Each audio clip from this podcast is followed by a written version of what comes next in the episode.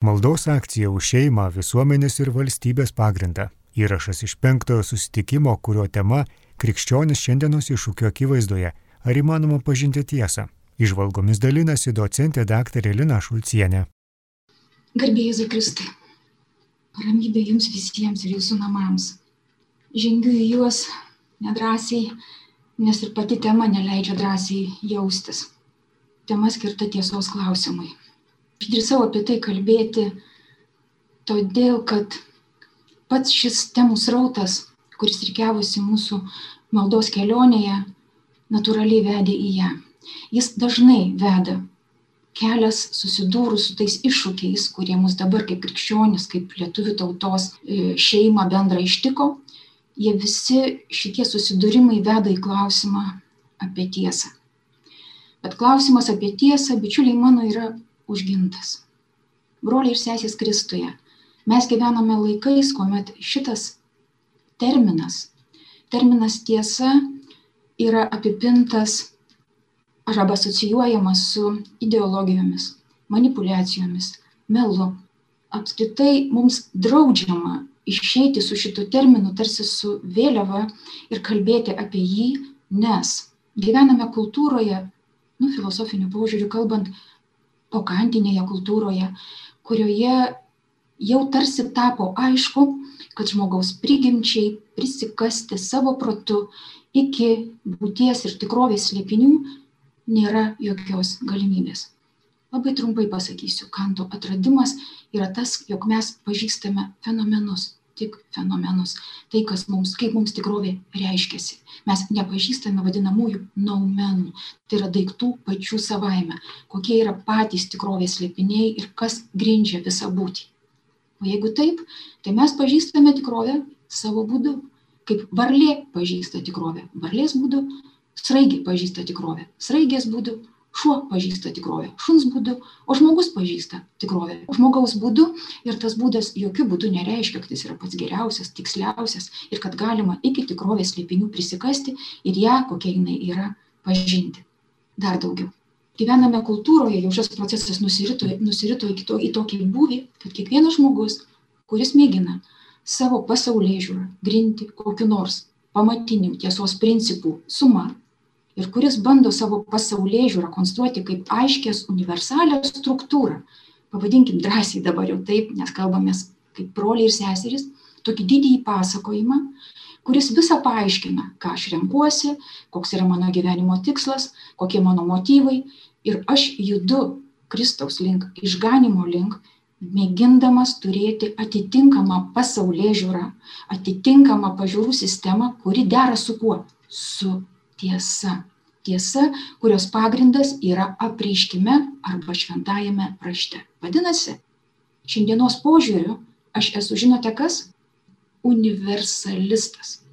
Visam pasauliu seniai aišku, kad universalistiniai modeliai ir universalistinės teorijos jau seniai nuėję į informacinės paraštės, į praeitį. Šiandieninis žmogus absurdiška, tik krikščionims tai neaišku, negali būti universalistas jis negali paimti ir padėti kažkokį tai pamatą tiesos ir iš jo kildinti kažkokius gyvenimo principus. Kalbėti apie darnią tvarkingą pasaulėžiūrinę sistemą šiandien yra ne tik blogo tono ženklas švelniai tariant arba ne tik vaikiška nes taip ir tariamasi.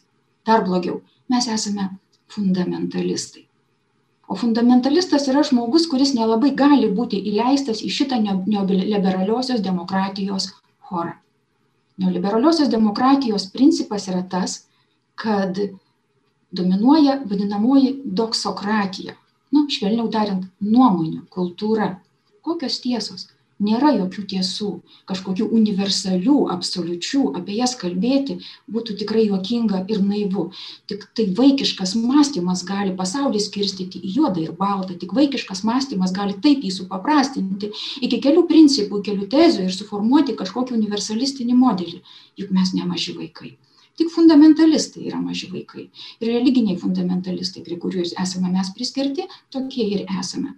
O su vaikais niekas nediskutuoja situacija yra rimtesnė. Mes savo priešininkus įsivaizduojame kaip tuos oponentus, genderizmo oponentus, eutanazijos šalininkus, abortų šalininkus, globalizacijos tam tikrus e, judėjimus, kurie greuna valstybę ir šeimą, mes įsivaizduojame kaip savo oponentus. Bet bičiuliai, mano situacija yra sudėtinga dėl to, kad jie mūsų oponentais nelaiko. Lygiai taip kaip suaugę nelaiko oponentais savo vaikų. Suaugę žiūri vaikus kaip, nu maištaukit, nušnekėkit. Jūs matote, nu, mums esate estetiniai objektai. Mes galime jūs pasižiūrėti, mes galim su jumis draugauti, nesipykti, bet su jumis kalbėtis, ginčytis. Su vaikais niekas nesiginčia suaugę ramiai logiškai spręsdami priima savo sprendimus ir nelabai paiso to, ką sako vaikai. Ar visose liberaliosios, tos neoliberaliosios demokratijos frontuose situacija yra tokia, tai yra tendencija, kuri ryškėja. Į Lietuvą ji dar neatėjo pilnai, bet jau ateina ir galbūt jau jaučiate jos ženklus. Taigi situacija yra tokia, kad visiškai aiškiai, jau ne taip ryškiai, net bet visiškai aiškiai yra sakoma, kad apie kažkokią absoliučią tiesą kalbėti nėra įmanoma. Jūs apeliuojate žmogaus prigimtį, į tikrovės dėsnius, į tai, kokia būtis yra, atmerkite akis. Jau seniai aišku ir kultūriniai procesai taip nukeliavo į priekį, kad seniai aišku, kad jokių universalių, teisingų, absoliučiai teisingų teiginių apie tikrovę pasakyti galimybės nėra ir tokiomis sąlygomis mes su savo argumentacija ir su savo pozicija atsiduriame labai keblioj padėty. Ji daug ke keblesnė negu atrodytų kad mes turime oponuoti pateikti savo poziciją pateikti argumentus ryškią aiškią poziciją racionalų pagrindimą savo pozicijos. Nieks mūsų neklausys. Dalykas tas kad šiandieninis pasaulėžiūrinis modelis dėmesio yra visai kitas negu mums įprasta manyti. Tas modelis kurį šiandieninė neoliberalioji demokratija e, skleidžia, yra panašus į rizomą. Rizoma yra savoka, kuri atspindi tai, kokios yra grybienos šaknys. Žinote, kokios yra grybų šaknys. Jos, jinai, jos neturi vienos šaknies. Tai yra sistema sukibusi be centro. Ir tie tos sankybos gali rastis bile kur bet tai yra toksai molekulių darinys, toksai pasaulio šiandienos žmogaus sistema yra tokia. Tai yra paskiri žinių fragmentai, įspūdžių, jausmų ir kažkokių tai nuomonių rinkinys. Kiekvienų klausimų vis kitoks. Ir kažkokio prasminio centro, esminės ašies, tokiam pasaulyje vaizdį nėra ir negali būti. Ir tai net kvaila jos ieškoti. Prasmės ieškoti, tiesos, pagrindo, centrinės ašies ieškoti yra, taip sakant, atgyvena taip sakant, fundamentalistinio mąstymo apraiška. Ir jeigu tu turi tokį rizominį tikrovės modelį, tu vieną kartą gali manyti taip, o kitą kartą kitaip. Tu vakar maniai gyniai vieną poziciją, o šiandien gyni kitą poziciją ir vidinio prieštaravimo tu nejauti, nes nėra kažkokio aiškaus atskaitos taško, kurio tu turi laikytis, kuris neprieštarautų logiškai tarpusavyje. Mes senosios tradicinės filosofija perenis arba amžinosios filosofijos požiūriu pasaulėžiūra turi būti tokia kuri yra darni neprieštaringa logiškai prieštaraujanti pasaulėžiūra rodo nedarnią asmenybę nebrandų žmogų. Taip buvo anksčiau taip nebėra dabar. Šitus dalykus reikėtų žinoti ir mes išeiname su savo tiesos gynimo pozicija ir tiesos ieškojimo pozicija į tokį kontekstą. Situacija yra kebli aš dar ne ne visus dėmenis jums atskleidžiau bet kai yra tokia dalykų padėtis mane asmeniškai stoti, ginti ir vis dėlto atstovėti tiesos poziciją drąsina dviejų popiežių enciklikose, dviejose enciklikose išdėstytos mintys. Jono Pauliaus antrojo enciklikoje Fides et Ratio skaitome tokį padrasinimą. Neįmanoma įsivaizduoti, kad ieškojimas taip giliai įaugęs žmogaus prigimtyje būtų visiškai bergščias ir neprasmingas žmogus apskritai nepradėtų ieškoti to, apie ką neturėtų jokių žinių. Arba to, ką laikytų absoliučiai nepasiekiamu. Tiesos troškulys yra taip giliai įaugęs žmogaus širdyje, kad jį ignoruoti būtų tikras pavojus pačiai egzistencijai. Žmogus negali grįsti gyvenimo abejone, netikrumu ar apgaulę, nes tokiai egzistencijai nuolatos grėstų baimė ir nerimas. Todėl žmogų galime apibūdinti kaip tą, kuris ieško tiesos. Jonas Paulius II mums pateikia tokį apibrėžimą. Žmogus yra būtybė, kuri ieško tiesos. Eikim toliau. O jeigu atsisakai ieškoti tiesos, skaitau, atsisakymas ieškoti tiesos, tiesos troškulio ignoravimas gali vesti žmogų į egzistencinę krizę. Tokios krizės simptomus matome šiandienėje kultūroje, juos charakterizuoja esminio sąryšio tarp žmogaus laisvės ir tiesos nutraukimas. Ir toliau mintį tęsė popiežius Pranciškus, kalbėdamas apie egzistencinę krizę, jis antrina Jonui Pauliu II. Ši situacija yra viena iš visuomenės ekologinės krizės apraiškų. Kai žmogus praranda pirminės prasmės to, kas yra pojūtį. Arba suvokimą, kad kiekviena būtis turi savo logos, savo prasme, savo dėsnį, savo žodį, savo taisyklę, savo tiesą. Kai žmogus nebenori žinoti, kad egzistuoja vidinė daikto prasmė. Bet ima ją į rankas, pertvarko ir suteikia jam naują prasme. Dėl tokio mentaliteto žmogus ima nebesuvokti savęs kaip duotybės, turinčios savo prasme ir savo logos arba taisyklę arba tiesą arba dėsnį, kurį reikia perskaityti. Jis pats ima traktuoti save kaip medžiagą ir prieštarauti savo paties prigimčiai. Citatos pabaiga. Ir vėl grįžtu prie Jono Pauliaus antrojo enciklikos Fides et Ratio ir skaitau paskutinį tokį paraginimą, pakvietimą. Noriu pabrėžti, kad tikrovė ir tiesa tikrai išeina anapus to, kas yra faktiška ir empiriška arba faktiška ir patiriama. Taip pat noriu apginti žmogaus sugebėjimą teisingai ir tikrai pažinti šį transcendentinį ir metafizinį matmenį. Nesvarbu, kad tas pažinimas netobulas ir analogiškas. Spekuliatyvinis mąstymas arba teorinis, analizuojantis, meditatyvinis mąstymas privalo skverbtis lygi pačių dvasios gelmių ir pamato, iš kurio jis kyla toks paraginimas remdamasi juo mėginsiu su jumis pajudėti tuo keliu.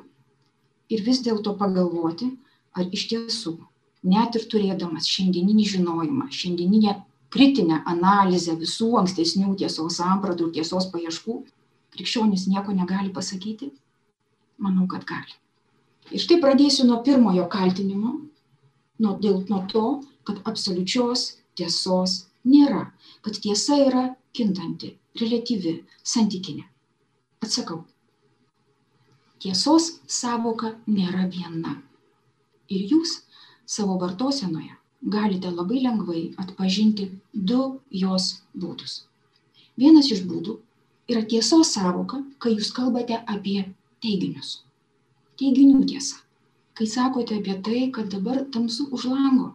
Kai kalbame apie tai, koks, kokia yra temperatūra laukia, kokie yra gamtos dėsniai, kokia yra dalykų padėtis. Tai yra teiginių tiesa. Tai, kad dabar kalbu jums, yra teisingas teiginys.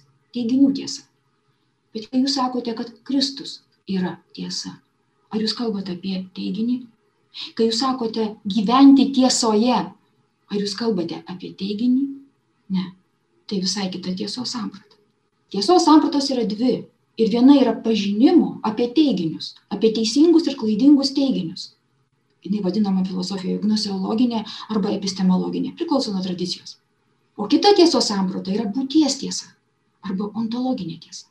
Ir kai Kristus sako, aš esu tiesa, kelias ir gyvenimas, jis kalba ne apie teiginius, jis kalba apie save kaip apie tiesą, jis pats yra tiesa. Ir kai aš galiu tylėti, galiu nemastyti, bet darau gerus darbus, aš gyvenu tiesoje. Jeigu sutvardau savo pyktį, sutvardau savo neviltį, sutvardau savo geismus, aš gyvenu tiesoje. Ir tai yra du skirtingi dalykai. Tai kai mes sakom, absoliučios tiesos nėra, apie kokią mes tiesą kalbam. Ir pažiūrėkit, šitos tiesos gali prieštarauti tarpusavyje. Pavyzdžiui, klasikinė pradžios knygos, devintos kiriaus istorija apie Nojų, Hamą, Šemą ir kitą jo brolį Jefetą. Devintas skyrius, 18-29 eilutė. Labai nuostabus, nuostabi iliustracija. Nojus su savo šeima įsikūrė išlipęs iš laivo, pasėja derlių, nupjauna vynogės, padaro jauno vyno, prisigeria ir girtas ir nuogas guli. Hamas ateina ir pasako, tėvas nuogas guli. Jis pasakė tiesą. Kiti du broliai, Šemas ir Jefetas, nugarą nusisukę, nueina, pridengia savo tėvą drabužiu. tėvas rytą atsikelia ir prakeikia savo sūnų. Žiūrėkit, juk Hamas pasakė tiesą. Jis sako tiesą, jisai, bet jis nebuvo tiesoje. Šitie dalykai gali prieštarauti vienas kitam. Ir dėl to iki šiol mes turime tą vardą kaip keiksmažodį, kaip Hamas, kaip keiksmažodis, kaip tas, kuris sako tiesą, bet nėra tiesoje. Ir kiek tokių įvykių tarybiniais laikais mes turėjome, kada vaikai išduoda savo tėvus, sako tiesą komunistų partijos vadovams, dėl, bet sikiu jų tėvai paskui keliauja į kalėjimus arba į, tą, į, į tremtį. Sakyti tiesą. Sakyti tiesą ir būti tiesoje gali būti skirtingi dalykai. Mes esame nemažai kalbėję apie sakymą tiesos meilėje. Bet vėlgi tas ties, sakyti mes meilėje ir būti meilėje, jūs patys žinote, koks tai yra gilus ir sažiningumo reikalaujantis būvis, gili ir sažiningumo reikalaujanti laikysena. Taigi grįžkime prie to, kad jau yra turi dvi tiesos savokas. Turime pažinimo tiesą, teiginių tiesą ir turime būties tiesą. Ir apie pažinimo tiesą kalbant, aišku, kad jinai yra kintanti, aišku, kad jinai yra santykinė, aišku, kad jinai yra istoriška. Kažkada Ptolemajaus mokslinė sistema buvo tiesa, Todėl, kad jinai paaiškino tikrovę kokiu būdu, kad Žemė yra visatos centre. Ir tai buvo aiškinimo modelis, tai buvo tiesa. Atėjo kitas laikas, atsirado heliocentrinė sistema, tai yra tiesa. Ir mūsų žinios auga. Ir teiginiai apie tikrovę keičiasi. Ir net mokslinės teorijos, kurios atrodo jau visiškai teisingos, turėtų būti, jos keičiasi. Taigi net mokslinė tiesa yra santykinė, istoriška, kintanti. Ir ačiū Dievui, kad jinai kintanti. Įsivaizduokite, kad jūsų gyvenimiškos tiesos būtų tokios pačios. Kad teiginiai apie tikrovę, kuriuos sakėte, kai jums yra penkeri metai, dvidešimt metų ir dabar kiek jums yra, būtų tokie patys. Teiginiai apie tikrovę, supratimas apie tikrovę, tikrovės pažinimas kinta ir žmogaus gyvenime, ir tautos gyvenime, ir žmonijos gyvenime. Ir ačiū Dievui, kad tiesa yra kintanti, istoriška, relatyvi, gnoseologinė, pažinimo tiesa. O dabar eikim prie tos tiesos, kuriai ir tik kuriai galima taikyti dėmenį absoliuti. Tai, kurioje mes kalbame apie Jėzų, kaip apie absoliučią tiesą, apie gyvenimą tiesoje, kuris mums ne visada sekasi, apie liudymą tiesos, kuris reikalauja didžiulių pastangų, Dievo artumo ir tai mūsų kovos laukas. Dabar grįžkim prie čia. O šitą tiesą pažinti galima. O kaip ją pažinti? protu. Ir čia mes susidurėme su tokia įdomia istorija. Aš noriu papasakoti Jums vieną metaforą, kurią išgirdau iš jau turbūt sviruoja jo pašaukimas, toks rusų diakonas, buvęs Andrijus Kurajevas, vienoje iš savo apologetinių paskaitų, jis labai didis apologetas, iš tikrųjų žymus, žino turbūt daugumą jį, vienoje iš jo paskaitų girdėjau tokią metaforą apie varlę.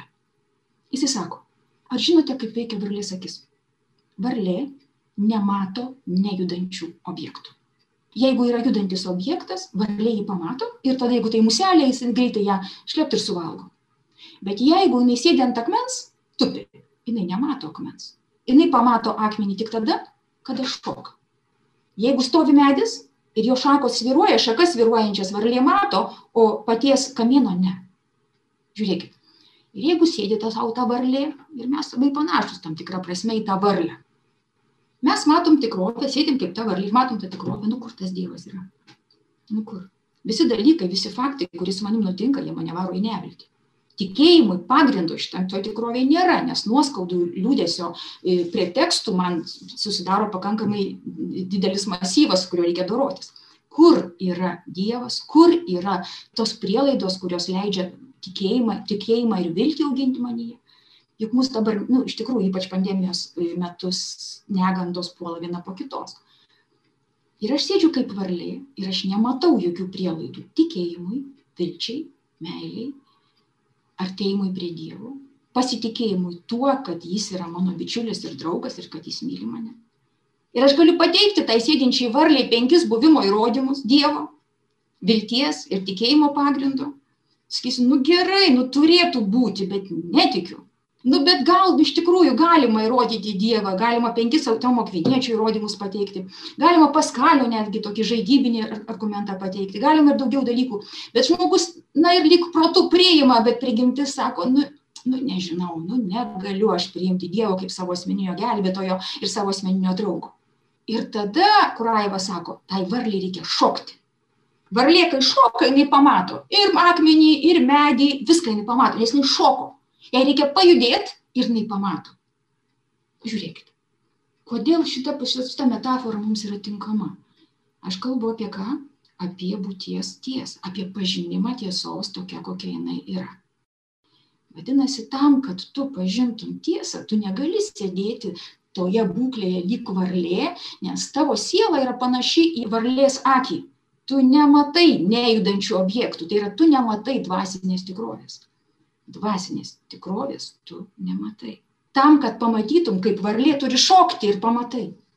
Ir tas pats Kuraivas pasakoja pavyzdį, čia pat pavyzdį šitos istorijos susijusios su žmogumi. Jis kalba apie misionierių Paryžiuje, kuris turėjo rūpesti tokią pareigą, atvykusias iš sovietinio bloko šeimas aprūpinti socialinės kažkokiamis socialinėmis poreikius jiems institucijose tam tikrose jiems suteikti pagalbos ir panašiai žodžiu jisai gyveno viename paryžiaus miesto rajone jam reikėdavo per tiltą eiti į kitą jis eina sykį ir nuo to tilto kur dažnai jaunuoliai spręsdavo visas savo problemas gyvenimo vienu mostu vienu ypu mato jaunuolį jau perlipusį per turėklus ir jau norintį išspręsti vienu mostu visas savo problemas. Ir jisai žino kad tokiu atveju vat suicidinės situacijos atveju vis tiek kiekvienas žmogus vis dėlto giliai širdyje ieško kažkokios progos bent kažko už ko galėtų užsikabinti. Tiktai nereikia banaliai prieiti su tais su tais pasiūlymais ir misionierius prieina prie to jaunuolio kuris stovi perlipęs turėklus ir sako tu pinigų turi? Keistas klausimas tiesa. Na turiu.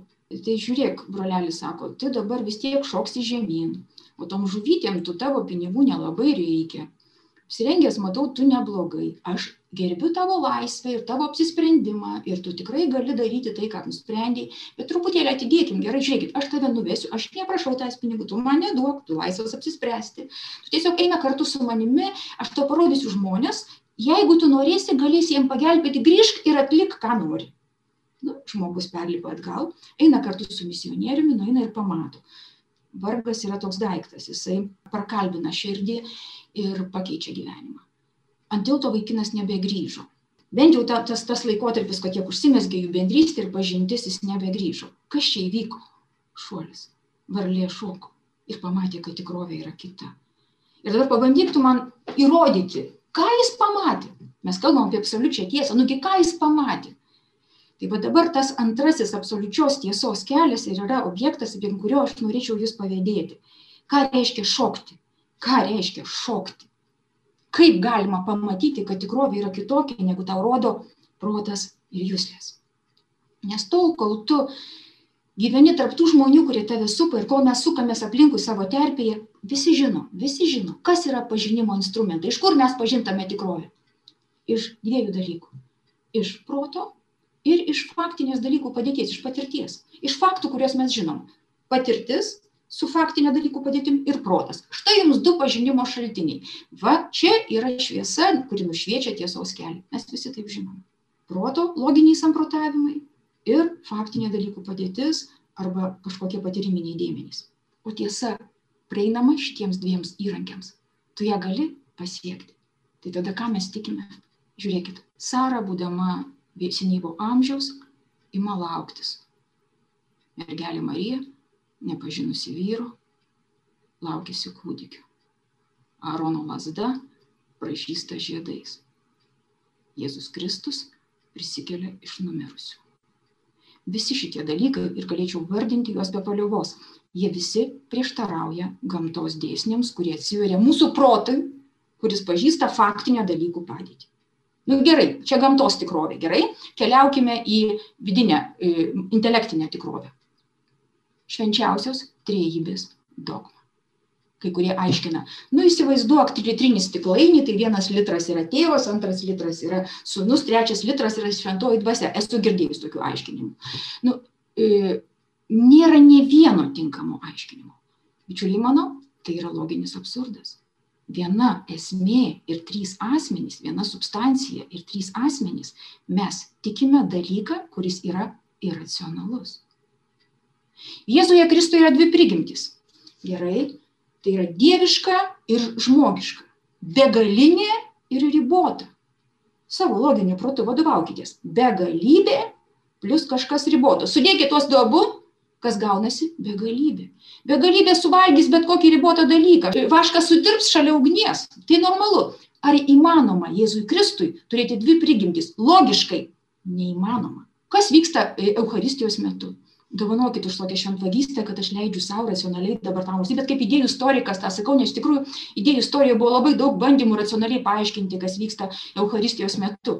Įsivaizduokit, duonos ir vyno substancijos, nu čia ta esmė, e, e, esmės virsta kūnu ir krauju, bet akys mato duoną ir vyną, kur tau kūnas ir kraujas. Mes tikime, bet mes tikime iracionaliais dalykais, dalykais, kurie viršė ir protą, ir jūslės. Tai kaip čia dabar yra? O tas dalykas yra, kad mums reikėtų suprasti, kad tiesa yra pažįstama ne tik protų ir jūslėmis, kad tiesos pažinimas reikalauja daugiau. Na pavyzdžiui, žiūrėkit, jeigu aš vairuosiu automobilį, kaip dažnai būna, ir mano akiniai bus riebaluotais pirštais apterlioti, tai aš vairuosiu kaip, nu, maždaug mintinai, kaip sakant, mano ratlankiai išlakstys ir visa kita, jeigu aš darysiu posūkius ir panašiai. Taip, kaip, kiek maždaug, kiek atsimenu. Bet jeigu aš savo akinius išsivalau, aš matau kelią gerai ir žinau, kur važiuoti. Bet tame ir yra tiesos pažinimo slėpinys ir paslaptis aš galiu turėti protą, galiu turėti jūslės, galiu labai gerai pažinti faktinę dalykų padėtį, galiu studijuoti tam tikrą reiškinį ir nepažinti tiesos, todėl, kad mano akiniai riebaluoti. O jeigu aš savo sielą išvalau ir pasižiūriu per, į tikrovę per savo tyros sielos, kaip tyro indo akinius, aš matau kažką kitą. Kaip jums skiriasi tikrovė prieš išpažinti ir po jos? Tiesos pažinimas yra susijęs ne su protu arba ne tik su protu, ne su jūslėmis ir ne tik su jūslėmis. Tiesos pažinimas yra susijęs su visa mano prigimtimi, kuri yra arba tyra, arba mažiau tyra, arba dar mažiau tyra, arba dar mažiau tyra. Teiginys pažįsti pagal savo e, sugėdimo laipsnį turi tiesos. Nu tik tai ar tu tiesą pažįsti? Turbūt nelabai tiesą. Kuo labiau tyr, tyras indas esi, tuo labiau pažįsti tiesą. Absoliučiai? Jo. Ar galima pilnai ją pažinti? Ne. Ar galima prie jos artėti? Taip. Kokie būdai artėti prie tiesos? Vieną iš jų jau aptariau. Tai yra savęs kaip tyro indo, kaip išvalyto, išskaistinto, išskaidrinto indo laikymas, brandinimas, ėjimas šventumo keliu dėl tiesos. Ar yra daugiau? Jo. Meilė yra pažinimo priemonė. Meilė atveria akis ir atveria sielą. Na, pažiūrėkit savo artimoje aplinkoje žmogus. Ar tu pažįsti žmogų, kurio nemyli? Ar tu pažįsti jį kaip asmenį, kaip Dievo paveikslą ir panašumą? Tik tą žmogų, kurį myli, gali matyti kaip nemirtingą, tikslą patį savaime, laisvą, amžiną, Dievo paveikslą ir panašumą kaip tą, kuriam gali pasakyti, tu nemirsi. Nes tavo esmė niekada nemirti. Tai ir yra pasakyti, aš myliu tave, tu niekada nemirsi. Tai pažinimas, aišku, absoliutus, aišku. Meilė yra pažinimo būdas. Aišku, mūsų užduotis, krikščionių užduotis išplėsti savo meilę tiek, kad tai jinai iš, už savo šeimos ribų išeitų. Ir ne tik už šeimos, ir už bendruomenės, ir už tautos, ir už žmonijos ribų. Tai uždavinys, kurį mes turim daryti tyrinti savo indą ir Dievo malonę auginti save meilėje. O protas? Ar protą reikia augdyti? Ar protas yra galimybė pažinti tiesą? Protas, kuris yra karūnuotas išminties darybė. Turbūt išminties darybė yra tas imperatyvas, ta taisyklė, tas tikslas, kurio turėtų siekti kiekvienas krikščionis. Nes pažinti tiesą be išminties darybės tai turbūt paikas sumanimas. Dabar atskira tema žinoma išminties dorybė bet man čia labai knieti bent keletą pastabų apie ją pasakyti aš turiu galvoje tomo akviniečio įžvalgas man jos labai brangios tomas akvinietis sako išminties dorybė kaip ir kiekviena dorybė formuojasi pamažu ta prasme dorybė yra geras įprotis dorybė yra geras įprotis įpročiai formuojasi daug kartų atlikus tam tikrą veiksmą teisingai kantrybės dorybė taip, ir, ir vis drąsos dorybė taip, susivaldymo dorybė taip, ir išminties dorybė taip. Vadinasi, dažnai atlikdamas išmintingus sprendimus, pamažu tampi išmintingas. Išmintingas krikščionis, krikščionis, kuriam matosi tiesa. Absoliuti, taip, bent jos kraštelis.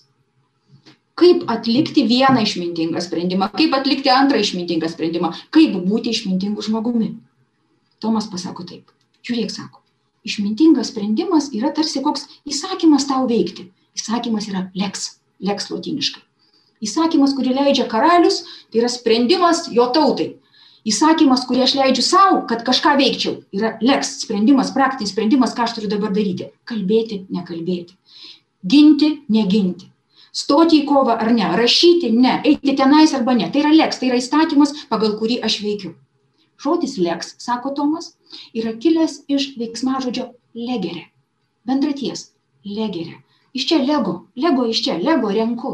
Žinot, veiksmažodžio pirmas asmuo. Lego yra skaitau, lego yra žiūriu, įsižiūriu, įsiskaitau ir paskui ta, tas žinias renku į, į savo pažintinį lauką.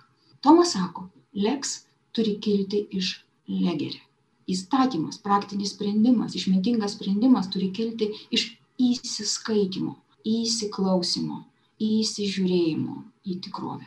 Aš negaliu būti kaip arbitras, kuris sprendžia, bus taip ir darysiu taip, nes aš taip galvoju.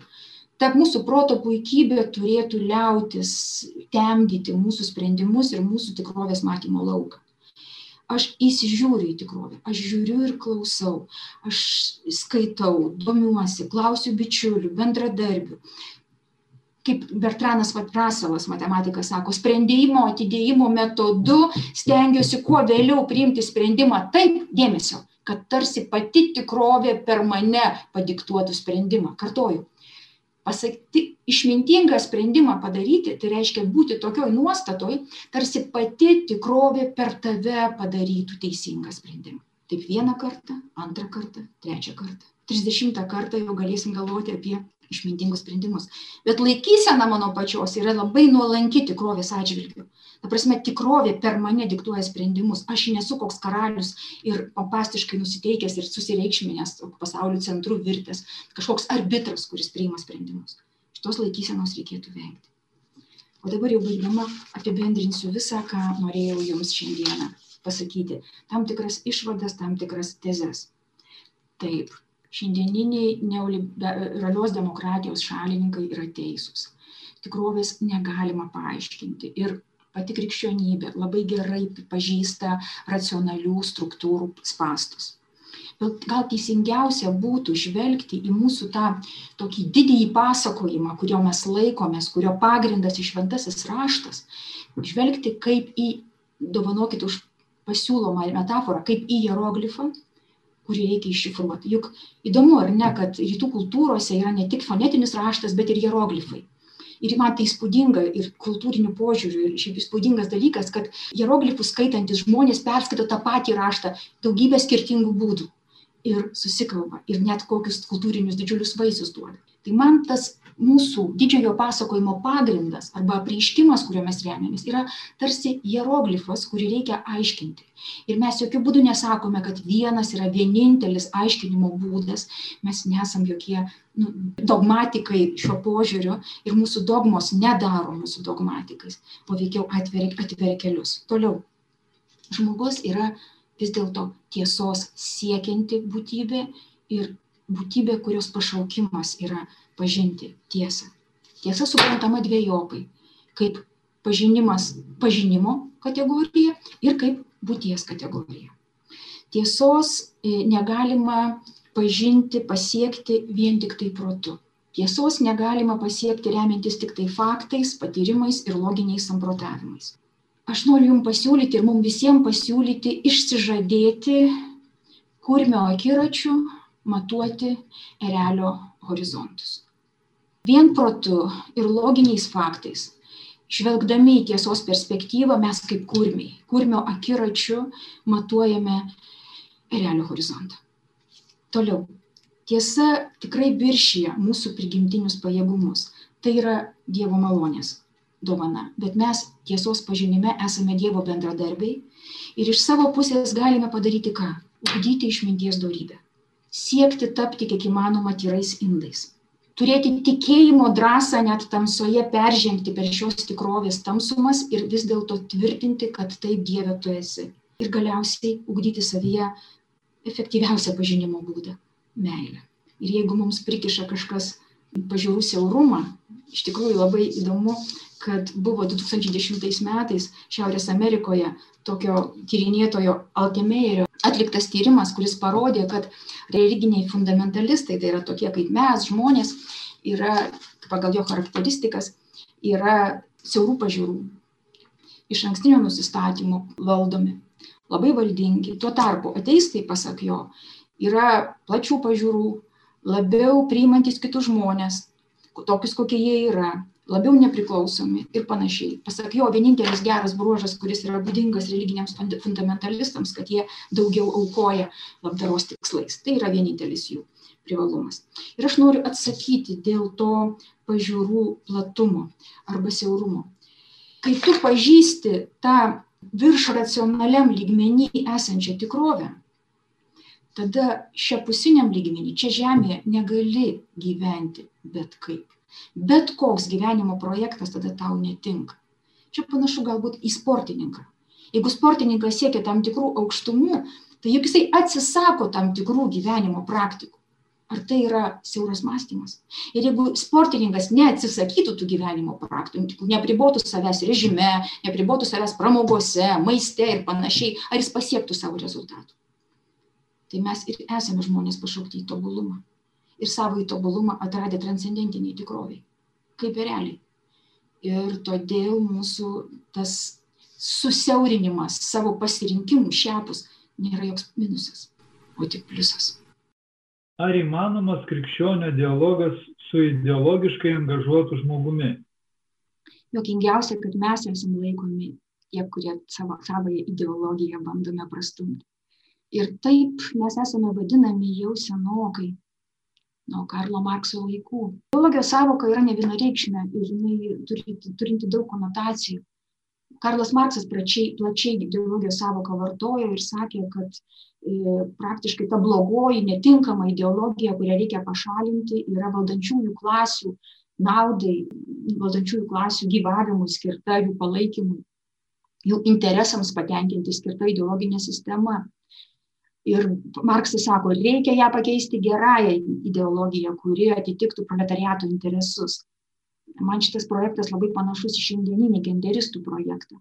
Prispaustosios vargšės moterys gyvenančios šeimoje kur už uždarų durų smurtautojai vyrai neduoda joms gyventi jos turi būti išlaisvintos.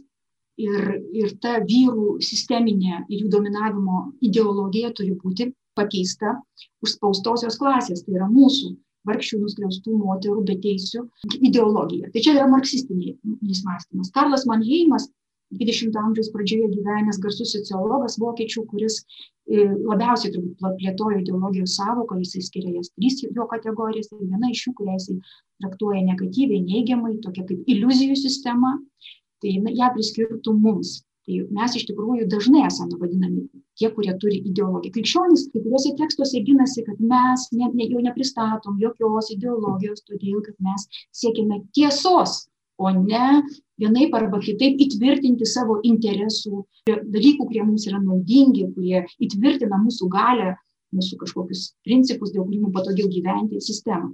Tai, bet iš tikrųjų klausimas yra painus kaip dabar su kokiu ideologu mes mes turim kalbėti su žmogumi vildamiesi kad jis kaip ir kiekvienas žmogus, kuris trokšta pažinti tiesą, stovėdamas šalia manęs, irgi trokštančio pažinti tiesą, atpažins šitą savo prigimtinį pašaukimą ir mes susitiksime kaip broliai arba kaip seserys ir kartu judėsime tiesos link.